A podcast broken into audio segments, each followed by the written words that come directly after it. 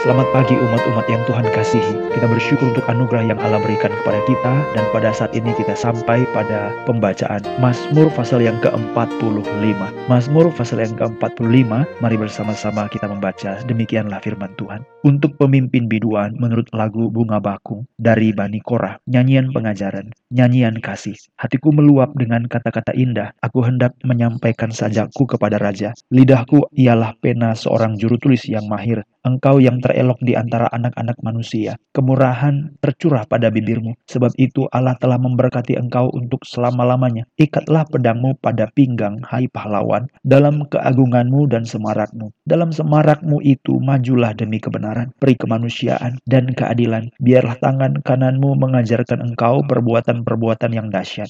Anak-anak panahmu tajam menembus jantung musuh raja. Bangsa-bangsa jatuh di bawah kakimu. Tahtamu kepunyaan Allah tetap untuk seterusnya dan selamanya. Dan tongkat kerajaanmu adalah tongkat kebenaran. Engkau mencintai keadilan dan membenci kefasikan. Sebab itu Allah, Allahmu telah mengurapi engkau dengan minyak sebagai tanda kesukaan, melebihi teman-teman sekutumu. Segala pakaianmu berbau mur, gaharu, dan cendana. Dari istana gading permainan kecapi menyukakan engkau. Di antara mereka yang disayangi terdapat putri-putri raja. Di sebelah kananmu berdiri permaisuri berpakaian emas dari Ofir. Dengarlah, hai putri putri, lihatlah dan sendingkanlah telingamu. Lupakanlah bangsamu dan seisi rumah ayahmu. Biarlah raja menjadi gairah karena keelokanmu sebab dialah Tuanmu, sujudlah kepadanya. Putri Tirus datang dengan pemberian-pemberian. Orang-orang kaya di antara rakyat akan mengambil muka kepadamu. Keindahan belaka putri raja itu di dalam. Pakaiannya berpakankan emas. Dengan pakaian bersulam, berwarna-warna ia dibawa kepada raja. Anak-anak darah mengikutinya, yakni teman-temannya yang didatangkan untuk dia. Dengan sukacita dan sorak-sorai mereka dibawa. Mereka masuk ke dalam istana raja. Para bapak leluhurmu hendaknya diganti oleh anak-anak umatmu nanti. Engkau akan mengangkat mereka menjadi pembesar di seluruh bumi. Aku mau memasyurkan namamu turun-temurun.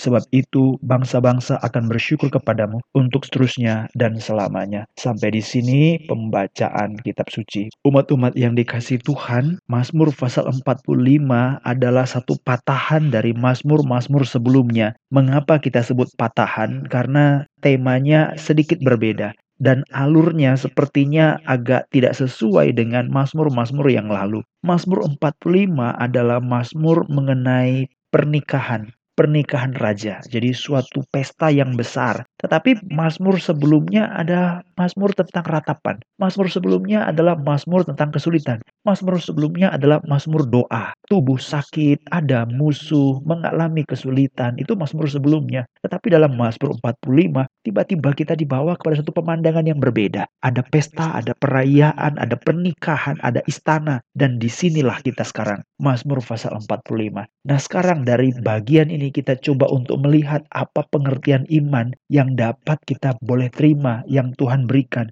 Ini membuktikan bahwa Allah tetap bekerja dalam segala keadaan. Sekali lagi, Allah tetap bekerja dalam segala keadaan. Ini merupakan tantangan bagi kita. Pada waktu kita mengalami kesulitan, sering kali kesulitan itu membuat kita tidak bisa bekerja. Pada waktu kita mengalami kesusahan, kesusahan itu menjadi penghambat, penghalang, sehingga kita tidak bekerja. Tetapi Mazmur 45 menunjukkan satu hal yang berbeda. Kalau sebelumnya Mazmur-Mazmur itu menceritakan tentang penderitaan, kesulitan. Tapi sekarang dia berbicara tentang pernikahan, perayaan, dan kebahagiaan dari raja. Ada istana di sana. Kenapa? Karena dalam segala keadaan, baik keadaan senang atau susah, dalam keadaan menderita atau perayaan pesta, dalam bait Allah atau dalam kemah suci, dalam tempat kudus atau dalam istana raja, Allah tetap bekerja.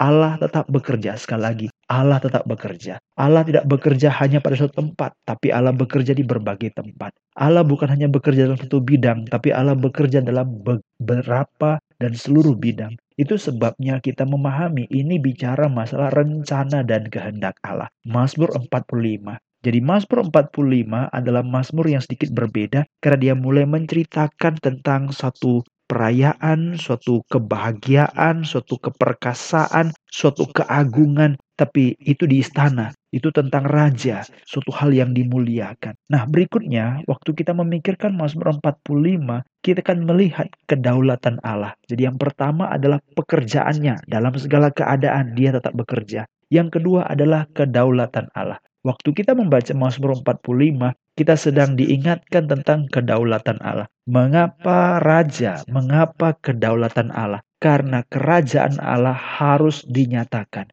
Karena kerajaan Allah harus dinyatakan. Di mana kerajaan Allah itu Allah sendiri akan memerintah. Allah yang berdaulat. Jadi kalau kemarin kita sudah bicara hubungan antara kekudusan nama Tuhan dengan kerajaan Allah itu tidak bisa dipisahkan, maka sekarang kerajaan Allah itu hadir, hadir dalam kedaulatannya. Itu sebabnya dalam Mazmur pasal 45 ada beberapa istilah yang disinggung tentang mengagungkan, mengedepankan bahwa dia adalah Allah yang atau raja yang berdaulat. Mazmur 45 beberapa ayat, ayat yang kedua sampai ayat 4. Hatiku meluap dengan kata-kata indah. Aku hendak menyampaikan sajak kepada raja. Engkau yang terelok di antara anak-anak manusia. Kemurahan tercurah pada bibirnya. Sebab itu Allah telah memberkati engkau untuk selama-lamanya. Jadi kita bisa melihat ini merupakan bayangan dan gambaran dari kedaulatan. Yang berikut ayat yang kelima. Dalam semarakmu itu majulah demi kebenaran, peri kemanusiaan dan keadilan.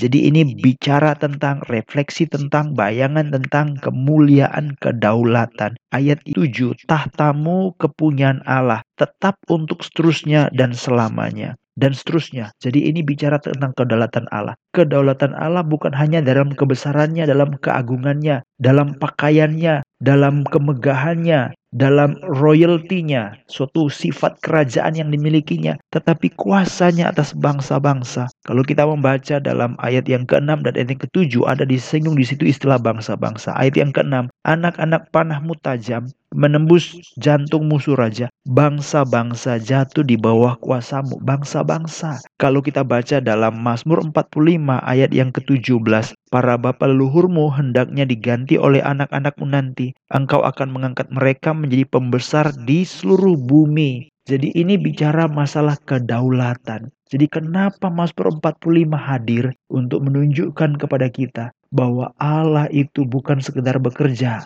tapi Allah berdaulat atas segala sesuatu, berdaulat sampai bangsa-bangsa. Mari tetap kita berdoa. Kita orang kecil, kita orang biasa, tapi bangsa-bangsa di seluruh dunia adalah milik Tuhan kita. Itu sebabnya mari kita berdoa untuk kesejahteraan dari setiap negara-negara bangsa-bangsa. Ada negara-negara yang masih tertutup untuk pintu Injil, mari kita berdoa. Ada negara-negara yang sangat tidak memperdulikan pendidikan, mari kita berdoa. Ada negara-negara yang membesarkan dan memiliki legal untuk judi, untuk narkotika, untuk kejahatan, untuk begitu banyak hal. Mari kita serahkan dalam tangan Tuhan. Karena Allah Raja kita itu berdaulat atas segala bangsa. Nah ini yang dibicarakan dalam Mazmur 45. Jadi kita mulai dengan pekerjaannya dalam segala situasi, baik di luar dan dalam istana, baik dalam tempat kudus, baik dalam maharaja. Dia bekerja dalam segala situasi, dalam segala tempat. Yang kedua, dia berdaulat. Yang ketiga, waktu kita membicara Mazmur 45 menceritakan tentang keturunan yang akan ditegakkan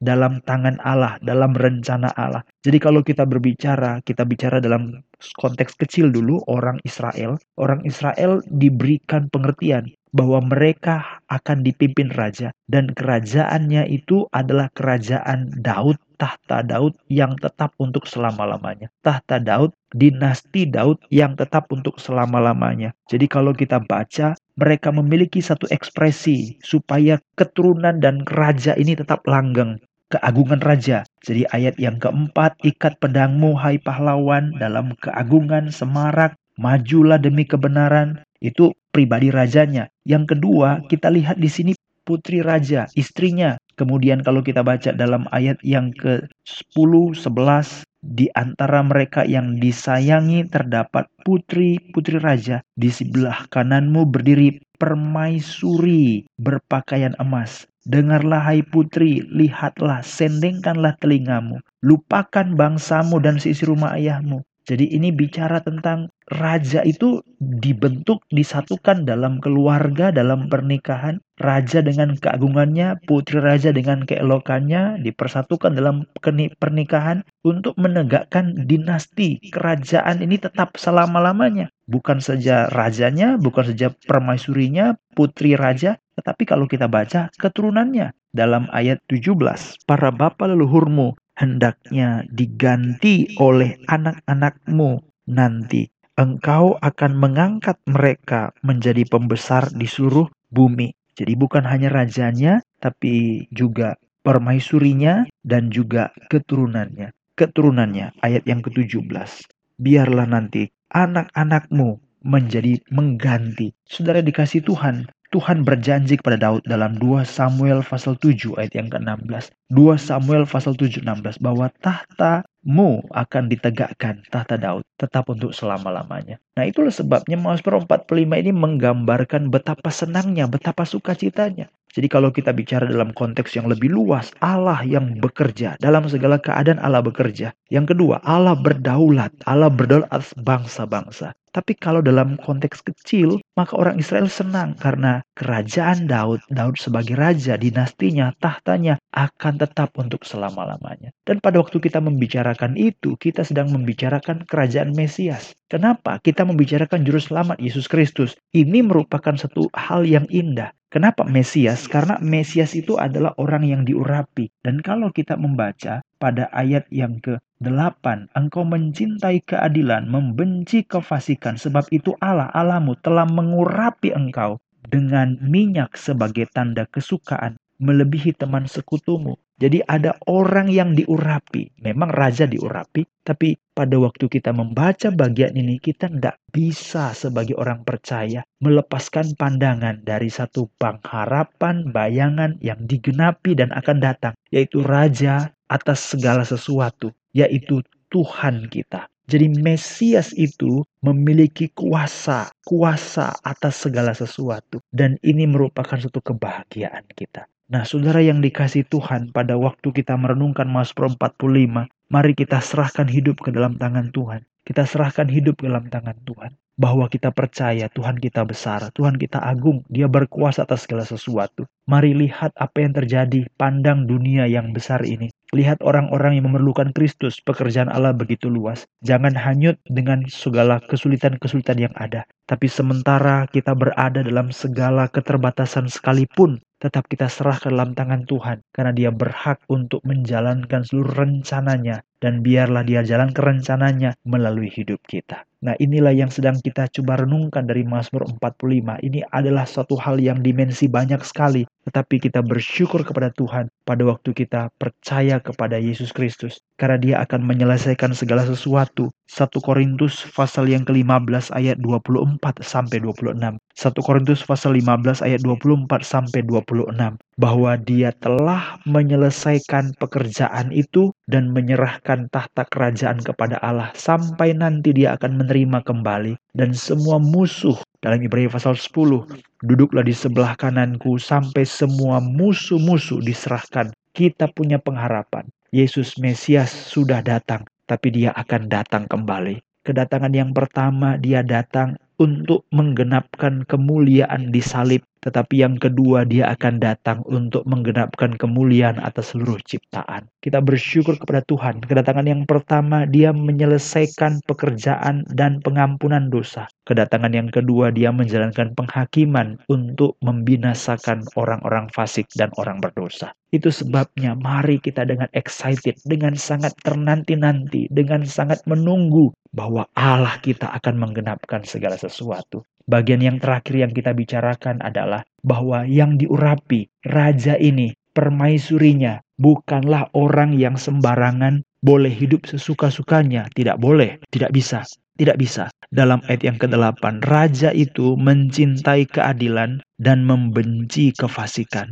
Raja itu mencintai keadilan dan membenci kefasikan. Dan kalau kita baca, permaisuri juga memiliki suatu sifat yang demikian ayat yang ke-11. Dengarlah hai putri, lihatlah dan sendengkan telingamu. Itu berarti dia dengar-dengaran. Jadi raja cinta keadilan, cinta hukum, cinta Taurat Tuhan. Dan putri raja, pasangannya harus juga tunduk kepada apa yang dikatakan oleh raja, titah raja. Ini ada penundukan diri. Tetapi bukan saja raja, bukan saja putri yang tunduk kepada keadilan daripada Allah. Bukan saja mereka yang tunduk kepada kebenaran Allah. Bukan. Tapi seluruh rakyat. Mengapa? Dalam Amsal pasal 22 ayat yang ke-11. Amsal 22 ayat yang ke-11. Orang-orang yang cinta keadilan, mereka itu juga adalah sahabat-sahabat raja. Betapa kerajaan yang indah. Kerajaan itu di mana rajanya tunduk dan cinta keadilan, tunduk kepada hukum. Demikian juga pasangan istri permaisuri putri raja adalah orang yang tunduk juga dengar-dengaran